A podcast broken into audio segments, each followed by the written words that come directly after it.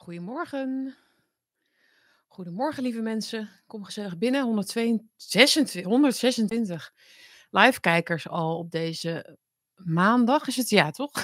Maandagochtend. Hoe kan je dat missen? Het is natuurlijk duidelijk een maandag. Kijk maar naar buiten. Hè? Ehm, op deze maandagochtend 126 eh, kijkers alweer. En mensen in de chat. Hartstikke gezellig. Kom er gezellig bij. Ik moest nog even snel mijn koffie pakken. Vandaar dat ik ietsjes later ben. En toen ontdekte ik ook nog dat mijn geluid niet goed stond.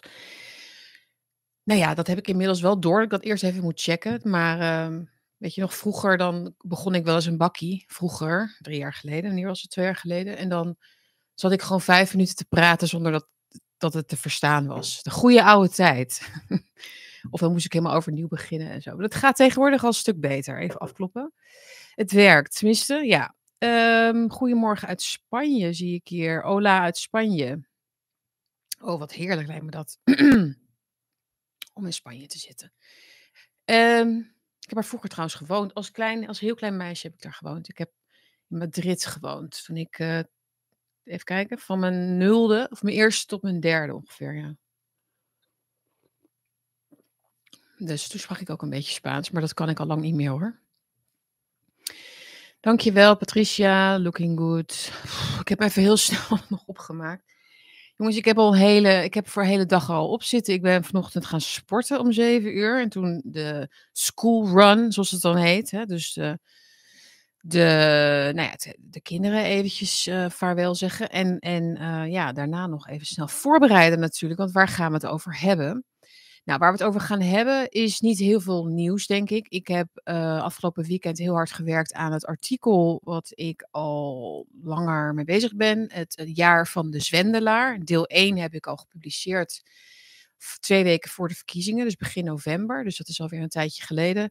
En daar, daarin ook een deel 2 aangekondigd, omdat ik het gevoel had dat er meer te vertellen was over het idee van de oplichterij of de zwendel, die we zien dus vanuit de media, de politiek, eh, de cultuur ook. En hoe ik dat definieer en waar ik dat zie en hoe je daarmee om moet gaan en zo. Maar dat is natuurlijk nogal een groot onderwerp. Dus ik heb er gistermiddag weer even aan zitten sleutelen, aan zitten werken. En ik hoop het vandaag echt af te hebben. Dus ik ben een beetje met mijn hoofd daar nog. Uh, schrijven is ook een hele andere concentratie dan een bakkie die je even lekker zo, waarin je eh, dat wat voorin ligt, zeg maar, of on top of your head zit, dat kun je dan meteen even lekker delen met elkaar. Maar het schrijven is toch een, uh, een, andere flow, zullen we maar zeggen. Uh, waar ik ook heel graag in zit. Dus hou dat in de gaten. Dus vanmiddag, waarschijnlijk, misschien later vandaag. ik, ik, beloof allemaal weer niks, hè, maar um, het komt in ieder geval heel snel dus op de site. En ook via de nieuwsbrief, via de Substack. Dus daar kun je je ook nog voor aanmelden via de website. Dan krijg je het in je mailbox. Het was echt een beetje, uh, zeg je dat, verlaat ook door die griep natuurlijk die ik had. Maar goed, um, altijd fijn als het dan uh, bijna af is. Misschien kan ik wel een klein stukje uit voorlezen nu. Ik weet nog niet. Zal ik dat doen? Ik ga eerst eens even een slok koffie nemen. Ik merk dat ik veel te snel ga. Even chill. Chill de F out. Hè? Er is nog niks aan de hand. Alles op zijn tijd. Het komt allemaal goed. Heel veel goeiemorgen zie ik hier. Joyce, Mark, Anna, Hans, Jolanda. Martin, hartstikke gezellig. Ik hoop dat jullie uh, de afgelopen video-uitzending van vrijdag ook hebben gezien. Of een stukje daarvan. Hè. Niet iedereen heeft natuurlijk een uur de tijd, misschien op vrijdagavond. Maar um, ja, dat, was, dat is best wel goed ontvangen, die bakkie uh, over het rapport van Elze van Hamelen. Uh, ik ken haar ook een beetje. Ik ken haar van. Ik ben volgens mij een keer met haar bij Blackbox geweest. Ik weet niet of ik in de uitzending was met haar. Dat kan ik me niet meer herinneren. Het waren er alweer zoveel. Maar ik heb haar zeker bij events gezien en gesproken. En uh, ja, gewoon een hele, hele verstandige, slimme dame. Die uh, dame. Ik vind haar meer een meisje. Maar um, ja, die dus een heel mooi onderzoek heeft gedaan. en dat heet Boeren. Even kijken hoor boeren uh, en vissers. Rapport Nederlandse boeren en vissers ondermijning van eigendomsrecht en de voedselvoorziening. En ik had dat gelezen de avond, dus donderdagavond. En toen heb ik vrijdag die opnames gedaan van Bakkie. En, uh, en zij, of zij DM'de mij dus vrijdag of zaterdagochtend. Uh, waarin ze zei, nou dankjewel dat je het hebt besproken. Dus dat is natuurlijk heel aardig. Maar door alle haast dacht ik wel van ja, die, met, die, met zo'n uitzending dacht ik, ik had haar eigenlijk ook wel kunnen interviewen natuurlijk. Ik had haar ook misschien wel kunnen betrekken in die uitzending. Maar goed, uh, zo gaat het. Misschien komt dat dan nog. Um, even kijken wat zij uh, zei. Dank voor het bespreken van mijn onderzoek. Uh, heel fijn om te merken dat je snapt wat ik probeer te doen met het rapport. Ja, en dan uh, verwondert ze zich nog een beetje, want het schijnt dus dat veel journalisten dat rapport van haar, wat 100, iets meer 100 pagina's is, alweer te dik vinden om, uh, om te lezen. maar ja, dat, dat is dan zo natuurlijk in dit land. Ja, nee, het is zeker de moeite waard om het te lezen. Dus heb je de uitzending van vrijdag nog niet gezien? Ga dat nog even bekijken. Heel belangrijk onderzoek. Uh, kort en bondig de oorsprong, de bronnen, de ontstaansgeschiedenis eigenlijk van de politieke, het politiek beleid rondom boeren en vissers. En waar dat begonnen is. Na de Tweede Wereldoorlog, toen zijn er een aantal van die tops geweest. Habitat 1, uh, VN 1, of de Agenda 21, er zijn nog een paar. En daarin zie je duidelijk door alle ruis heen, door alle rook heen, zeg maar, zie je heel duidelijk tevoorschijn komen dat het ook een uh, onteigeningsagenda daadwerkelijk is natuurlijk. En ja, die uitzending had ik gemaakt. En wat staat er zaterdag dus in de krant meteen op, uh, um, althans in de Telegraaf, uh, het nieuwsbericht dat de Nederlandse vissers niet meer of minder, 60% minder uh, welke vis was het ook alweer? Kijk, zie je. Ja, het was of mijn haar feunen of dit nog een keer lezen. Ja, je, moet keuzes maken, jongens. Je moet keuzes maken. Waar zijn we? Met de vissers, jongens. Even kijken. Tong was het toch, volgens mij. Uh, de tongvissers, die um, zijn natuurlijk al geraakt door alle plannen. Nou,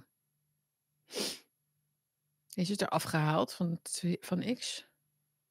Oh, hier, sorry. Oh.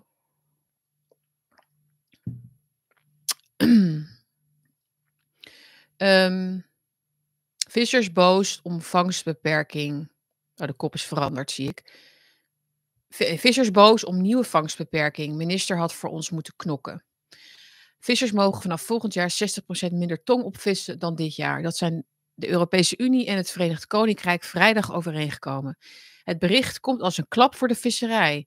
Wij zijn in de steek gelaten door de minister. Hij had voor ons moeten knokken. Ja, dat had de minister moeten doen. Ja, minister Adema had dat moeten doen. In de wereld waarin ministers dienaars van het volk zijn, aangesteld zijn door het volk, na een democratische stemronde en na onderhandelingen enzovoort dan zou je dat verwachten. Maar deze mensen knokken niet voor jullie bestaan. Dat is wel duidelijk. En ik kreeg ook nog een reactie van een boer die zei: Alles wat in dat rapport staat en alles wat jij zei in de uitzending is gewoon waar. Het is niet een. Um, een, een, soort um, moeilijke afweging tussen milieu en klimaat en de belangen van de boeren.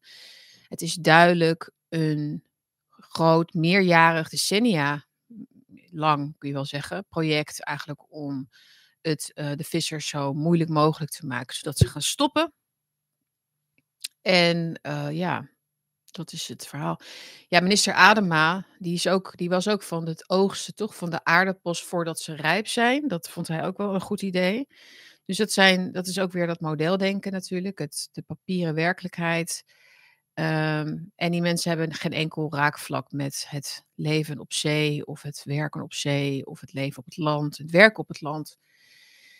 Heel erg triest, maar um, uh, lees het rapport. Ik, ik, ik, denk dat ik dat gewoon blijf herhalen nog eventjes deze week misschien. En dan uh, vallen de schellen je wel van de ogen. Uh, ja, die Adema, dat is natuurlijk ook. Kijk, dat is, dat is het soort beul, schreef ik op X. Wat niet zelf het zwaard ter neemt, maar gewoon overal zijn handtekening onderzet. Alright. Dat in de categorie gezellig, leuk nieuws. Viel dat wel even op. Dus vlak na die uitzending kwam dat nieuws weer. Um, ja, de grote verbouwing van Nederland schreef ik nog even op. Dat zit er dus achter. De grote verbouwing van Nederland, Hugo de Jonge heeft het er ook al over gehad. Um, grote herinrichting. Er moeten heel veel meer huizen bij, er moeten meer zonnepanelen bij, er moeten meer windparken bij. Uh, ja, het wordt er allemaal niet mooier op. Waar zijn jullie? Ik heb jullie weg. Uh, ik zit helemaal in mijn, in mijn, hoe heet het, folders. Um, even kijken. Schrijftafelmoordenaars, zegt iemand hier. Ja, nou ja. In de Tweede Kamer mag je dat nog niet eens zeggen, toch? Ook niet als je het um, eufemistisch bedoelt. Maar het is niet eufemistisch natuurlijk. Deze lui knokken alleen voor hun eigen portemonnee, is hier. Ja. Um, even kijken. Dus ja, kijk nog even die uitzending terug, wilde ik nog even zeggen, heb ik niet duidelijk gemaakt. En vergeet niet te liken en te delen en te abonneren. Natuurlijk ook deze livestreams. Ook leuk als je dat met anderen deelt. Daarmee help je mij voor de zichtbaarheid. En dank aan iedereen die na vrijdag dit afgelopen weekend een donatie heeft gedaan. Dat waren er een aantal en dat vind ik ontzettend bemoedigend. Uh, want dat helpt mij dus om het volgende jaar, want daar ben ik nu volop mee bezig, om het volgende jaar een beetje te gaan inplannen met wat ik wil gaan doen en met wie en de hulp die ik daar eventueel bij wil hebben. Ik heb nu al wat meer hulp, dus uh, dat kan allemaal dankzij jullie steun en jullie donaties. Dus nogmaals heel erg dank daarvoor. Um, ja, dan wil ik toch nog eventjes jullie als harde kern, bakkie kijkers, toch nog even een kleine uh, preview, zeg maar, een kleine uh, trailer geven, hoe noem je dat, van het artikel waar ik mee bezig ben. Ook omdat ik nog niet helemaal, nou ja, misschien kom ik daar dan op als ik, als ik dat uh, met jullie bespreek. De, of ik hem, ik, ik vraag me het af of ik hem te hard insteek. Of ik te veel focus op dat het oplichters zijn, in plaats van dat het. Ik zeg het ook ergens hoor. Dat, waar, waar houdt de domheid op en begint de opzet, zeg maar.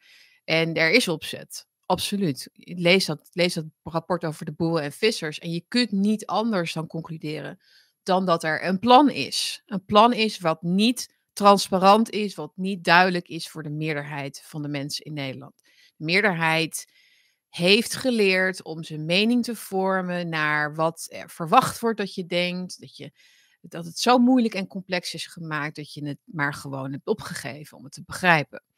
dus dat is wat er gebeurt. Dat is onderdeel van die oplichterij, is ook de mind control. Het is ook het mensen meekrijgen in de leugen.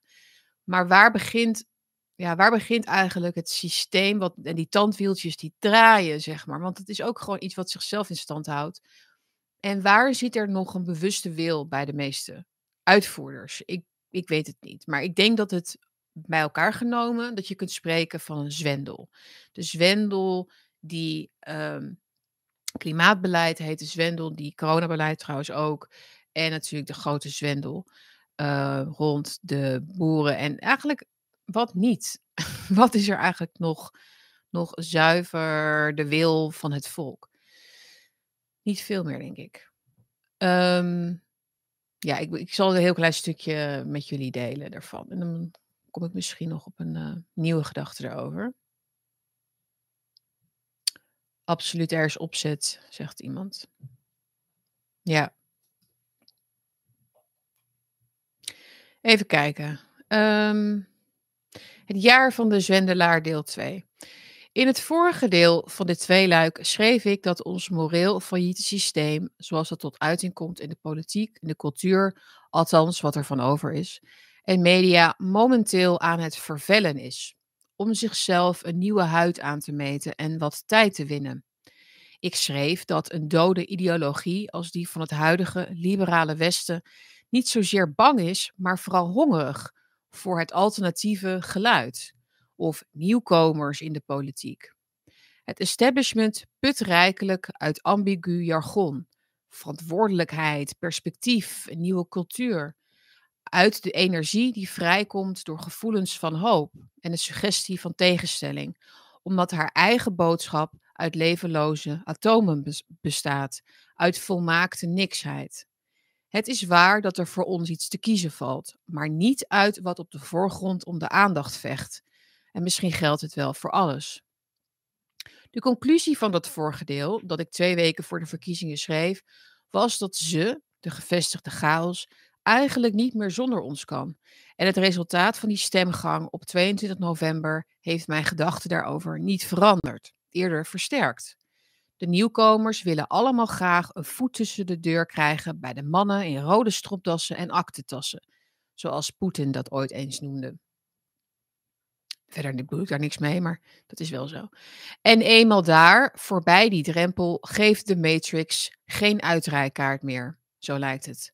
De grote belofte Pieter Omtzigt, die met zijn NSC een einde zou maken aan de oude bestuurscultuur, voelt zich inmiddels als een vis in het water tussen alle andere zwendelaars die maling hebben aan de stem van het volk. Een hoop poeha maakt hij om zaken. En steeds uitgerekend die zaken ook, die het vuur van verandering ter plekke doen uitdoven.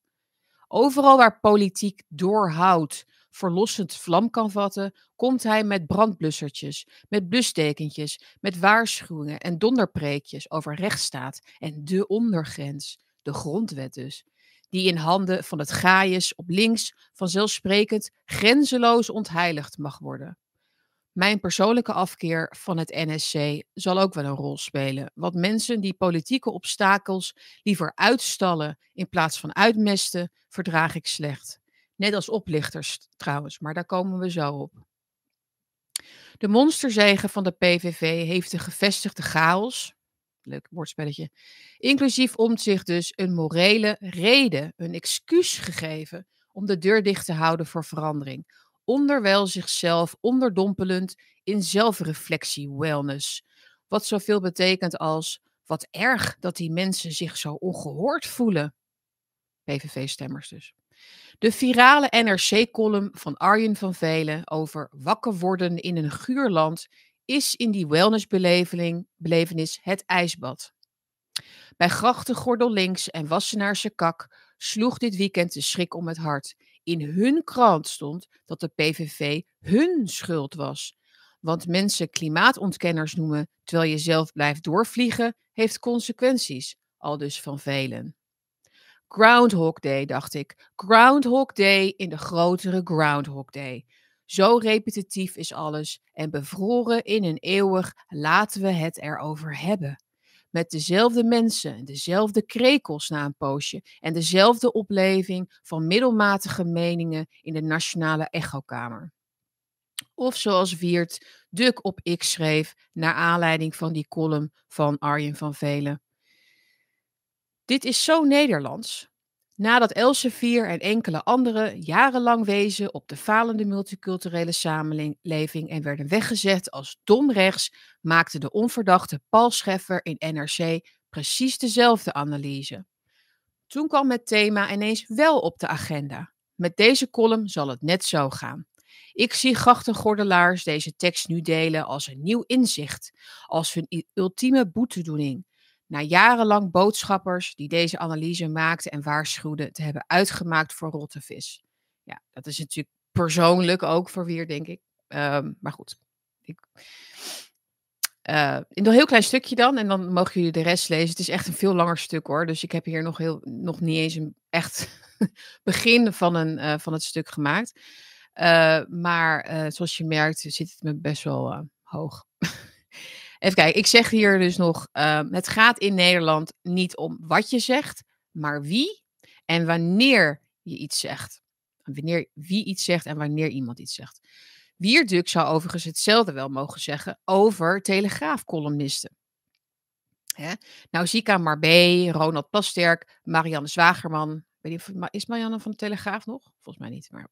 En Leon de Winter, die schitterende inzichten tonen en het allemaal prachtig opschrijven. Dat, dat bedoel ik ook serieus. Maar ook op die Hollandse manier. Hè?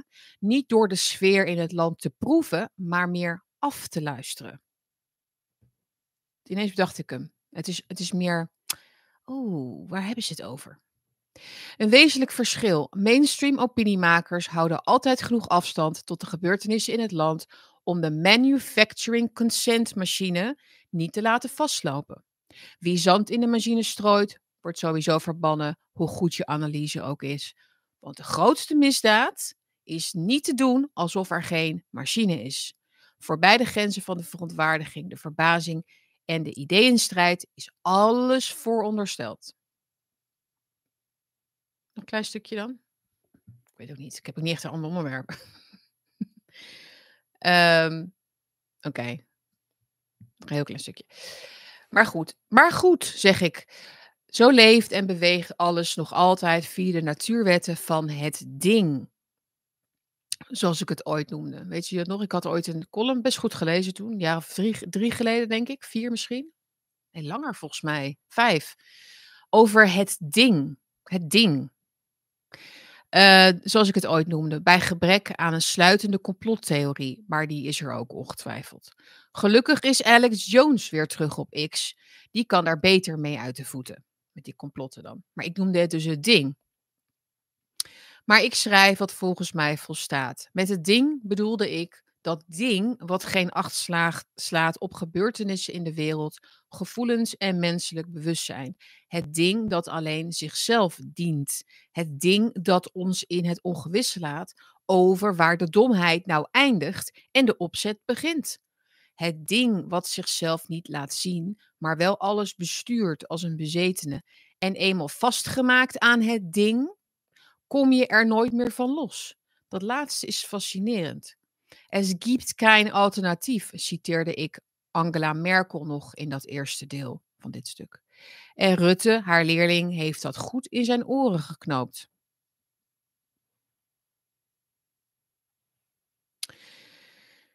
Nu er via rechts, en dan kom ik terug bij de situatie nu, nu er via rechts in de traditionele zin van het woord mogelijkheden ontstaan om echt iets te doen aan de Haagse status quo, aan het ding dus ook, zeg maar. De verstikkende betonnen werkelijkheid gebeurt het niet. Quelle surprise. En die leerling van Merkel staat ons minzaam uit te lachen voor de NOS-camera in Dubai, waar hij was voor een klimaattop. Niets, zei Rutte, zou deze verkiezing en formatie veranderen aan het ingezette beleid rond klimaat. Hoezo? Daar is brede steun voor te vinden. Dat is een keiharde leugen, want die steun die is er niet. Ik zie het zo: de werkelijkheid waarin hij zich begeeft doet dienst als die brede steun. De wereldse houding van deze kleine elite wordt gerechtvaardigd met de gnostische illusie dat zij de bestemming van de mens kennen. Brede steun is oorsprong en is de, is de oorsprong en huidige situatie van de willoze bevolking.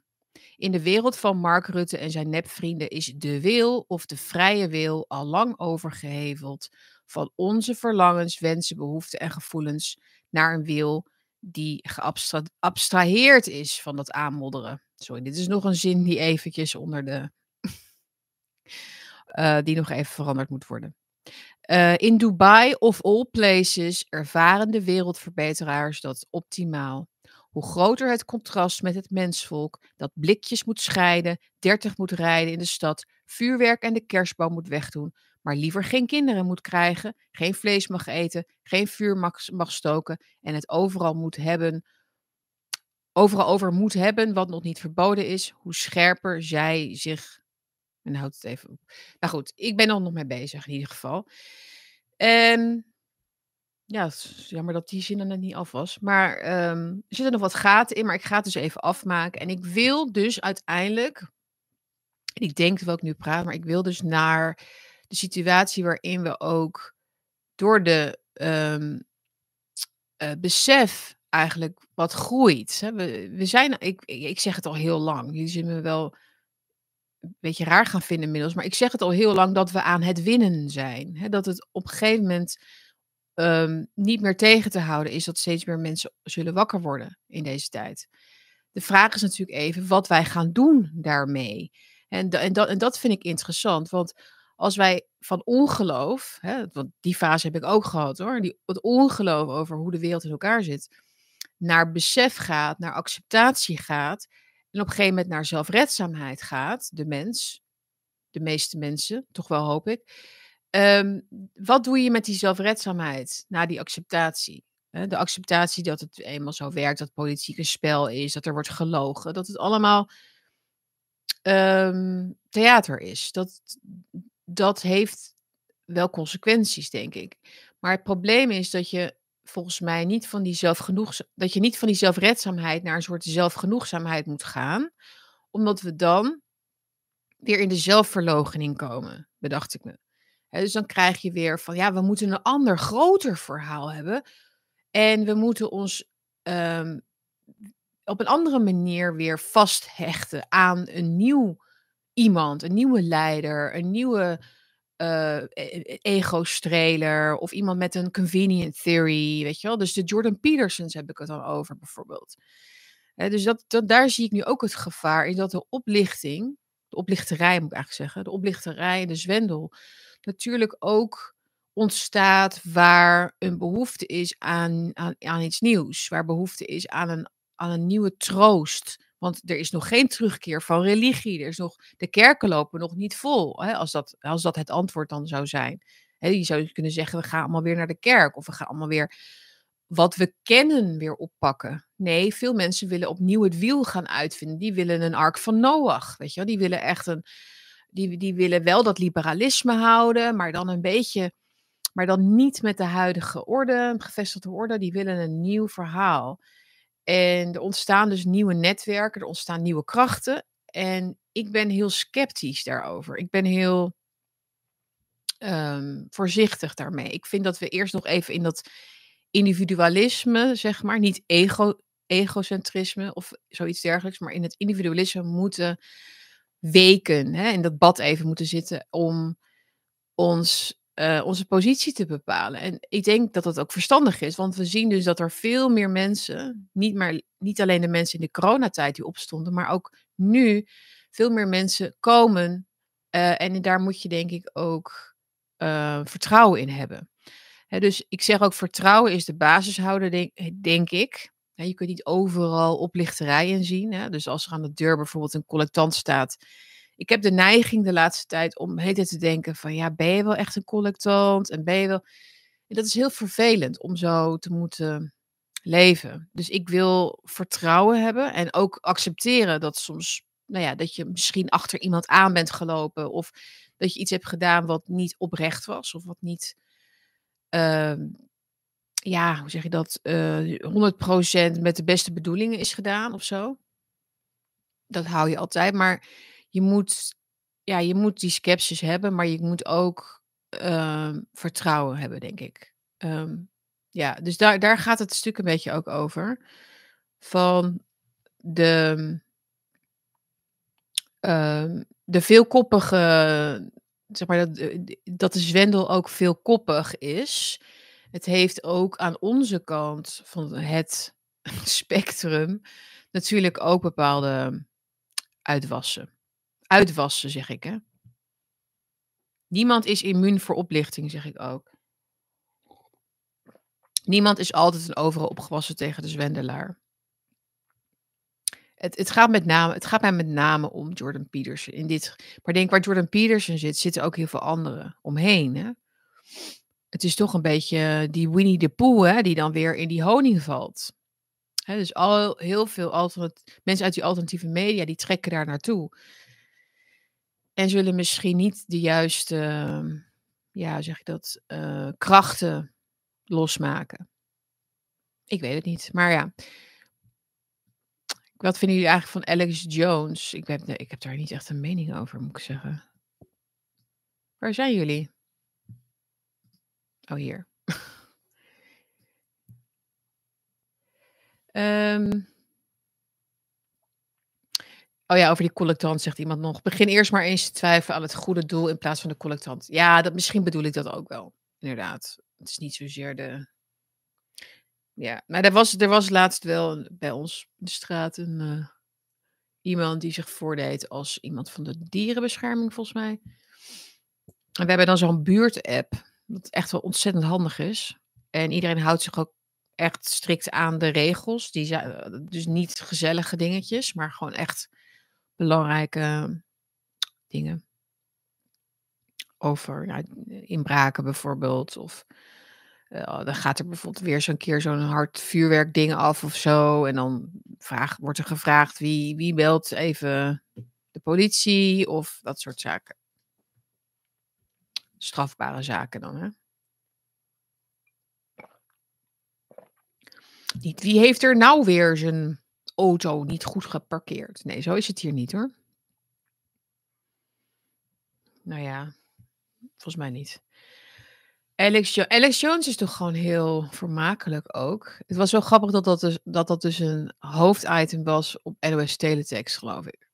Ehm, dat Alex Jones terug is op Twitter.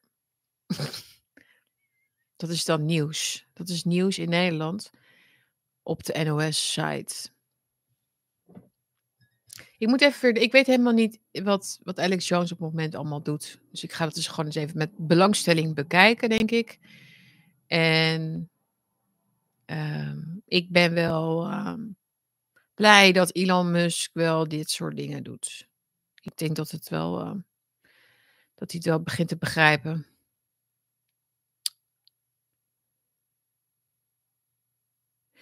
Dalai Lama zegt, even the gatekeepers can lead people to truth. So Alex is okay in that sense. Ja, the gate, even, the, even the gatekeepers can lead people to truth. Dat is een interessante um, stelling.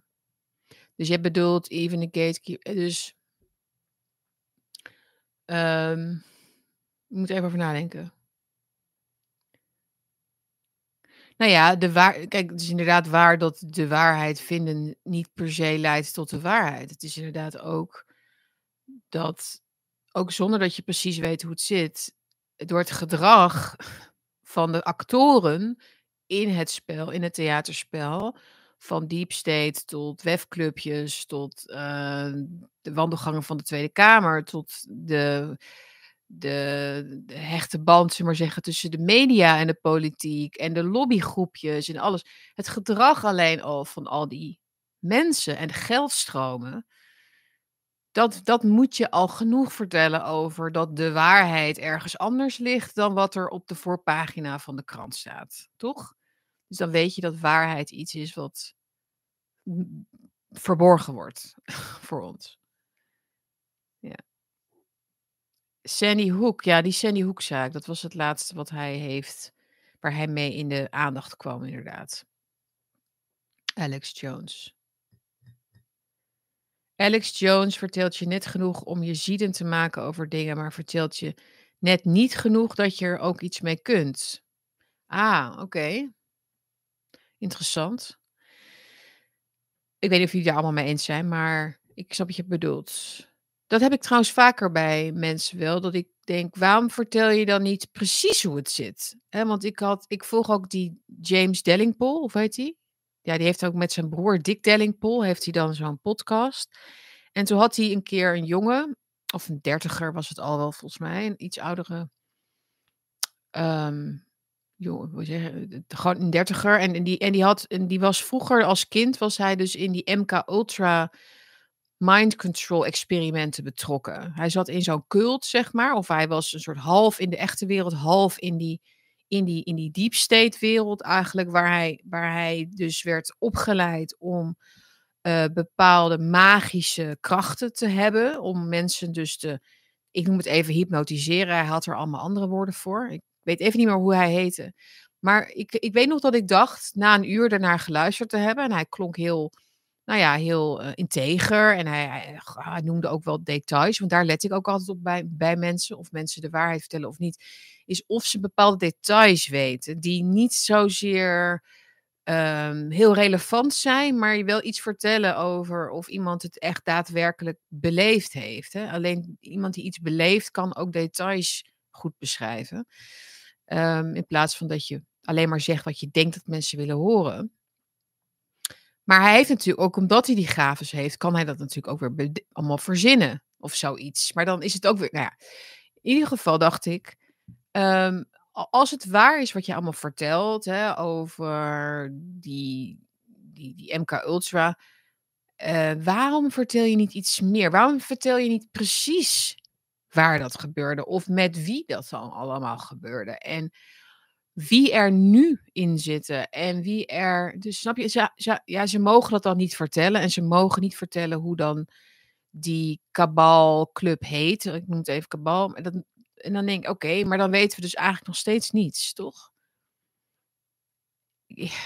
Ik weet niet of jullie me volgen nu, maar heel vaak denk je van, het is allemaal informatie waar ik uiteindelijk niet zoveel mee kan.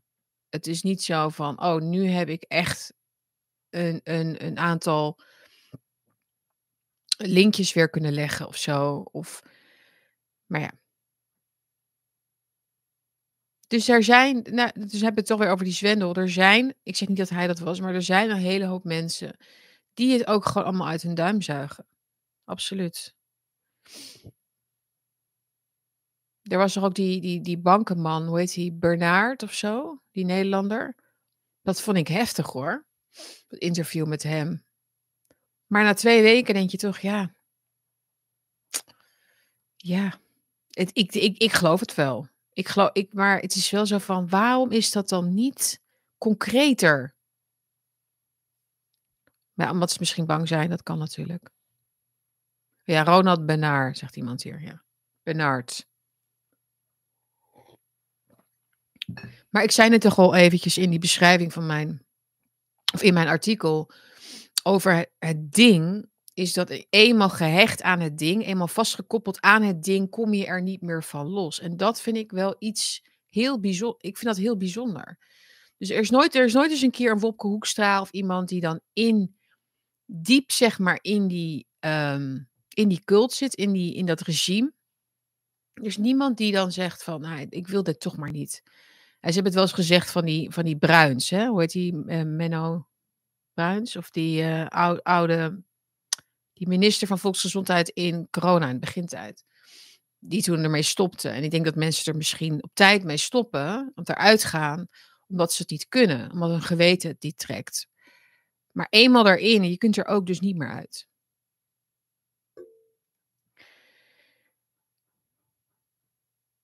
Ja, precies. Ronald Bernard zei ook geen naam en je weet alsnog niks. Bru- Bruno, ja. Bruno Bruins of zo. Maar goed, ik, eh, ik weet niet waar we nu naartoe gaan met dit verhaal. Ehm, ik, ik, ik snap je, maar het, het is zo'n ehm, eh, zoektocht binnen de zoektocht eh, naar de meest betrouwbare stemmen, denk ik. Ik denk dat dat ook gewoon niet meer dan normaal is. Dat, ehm, dat, je, dat, ook, dat je daar ook op blijft letten. Want niet alles is. ehm, wordt ons mak- het, wordt ons niet makkelijk gemaakt, laat ik het zo zeggen. Het mag geen naam hebben, nee. Het ding. Daar noemde ik het ook het ding. Iedereen snapt het ook. Toen ik dat, die column schreef, het ding. Je kunt het misschien wel vinden op Google. Maar, eh, snapte iedereen meteen wat ik bedoelde. Is zo grappig. Ah ja, dat. Het, het ding. Ja, oké. Het is ook een film, volgens mij. The Thing. Ik had ook een plaatje eruit gehaald van The Thing. Oké, jongens. Ik heb niet zo heel veel verder. Ik wil dus eh, verder even met het artikel en ik wil het gaan plaatsen. Ehm, ja, ik het even kijken. Misschien hebben jullie nog een laatste, laatste vraag of iets wat niet kan wachten. Niet kan wachten tot, wat is het, donderdag? Ik ben trouwens erg blij dat die geëdite video's eh, goed bekeken worden. Ehm, eh, YouTube blijft maar heel raar doen, toch met het, plafond. Het ga, eh, binnen, binnen twee uur al bijna naar, naar 8000 kijkers en dan flatline. Weet je wel? Oké. Eh, ik zeg niet dat er.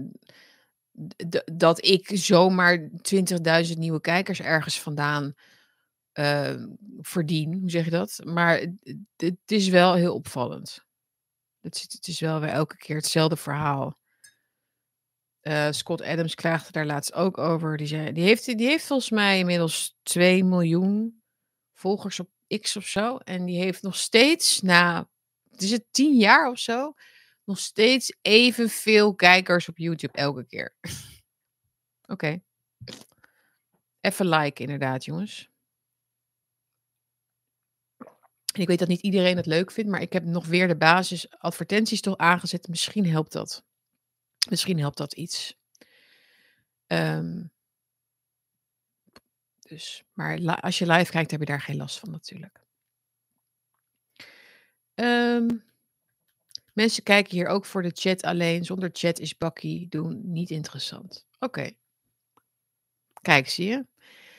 Voor sommige mensen is dat een absolute must, inderdaad, de chat erbij. En ik, ik, ik snap het. Ik heb, het, is, het heeft voor mij ook een, een, een leukere vibe of zo om het live te doen met jullie. Ik zie jullie dan letterlijk allemaal. eh, ja, wat eigenlijk? Met de poes op schoot zitten. Als er nu iemand met een poes op schoot zit, die schrikt zich helemaal rot. Ik kan je niet zien. Wees maar niet bang. Je kan je niet zien. Ehm,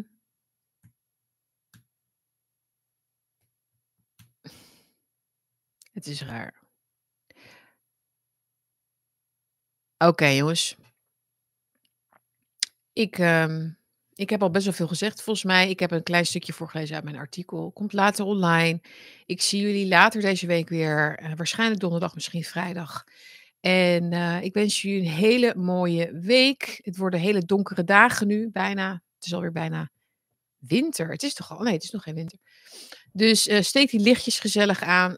Jullie zien het misschien al staan hierachter. Ik heb al een klein boompje al gekocht, of gekregen eigenlijk, van mijn man. Die kan ermee, omdat ik erover had. Van, mijn bakkiekijkers vinden dat ik een boom moet hebben. Dus zei, nou, toen kocht hij een boompje. Maar ik heb hem dus nog niet versierd. Dus dat gaat nog komen. Maar dat was een hele goede tip van jullie. Inderdaad, daar hoort een soort boom. En ik zal hem op een tafeltje of zo zetten. Dus we gaan het nog wat gezelliger maken hier. En dan eh, zie ik jullie dus later deze week. En dan ga ik ook even aankondigen dat er nog voor de kerst een leuke bakkie live Q&A komt. eh, met een crowdfund, met vragen en allemaal leuke interactieve dingen. Dus eh, niet het ding, maar wel leuke dingen. Dus eh, hou dat in de gaten in ieder geval. Like en deel. Doe een donatie hieronder. Een dank aan iedereen die dat heeft gedaan. En dan zie ik jullie hier heel snel weer terug bij de volgende bakkie. Ciao jongens.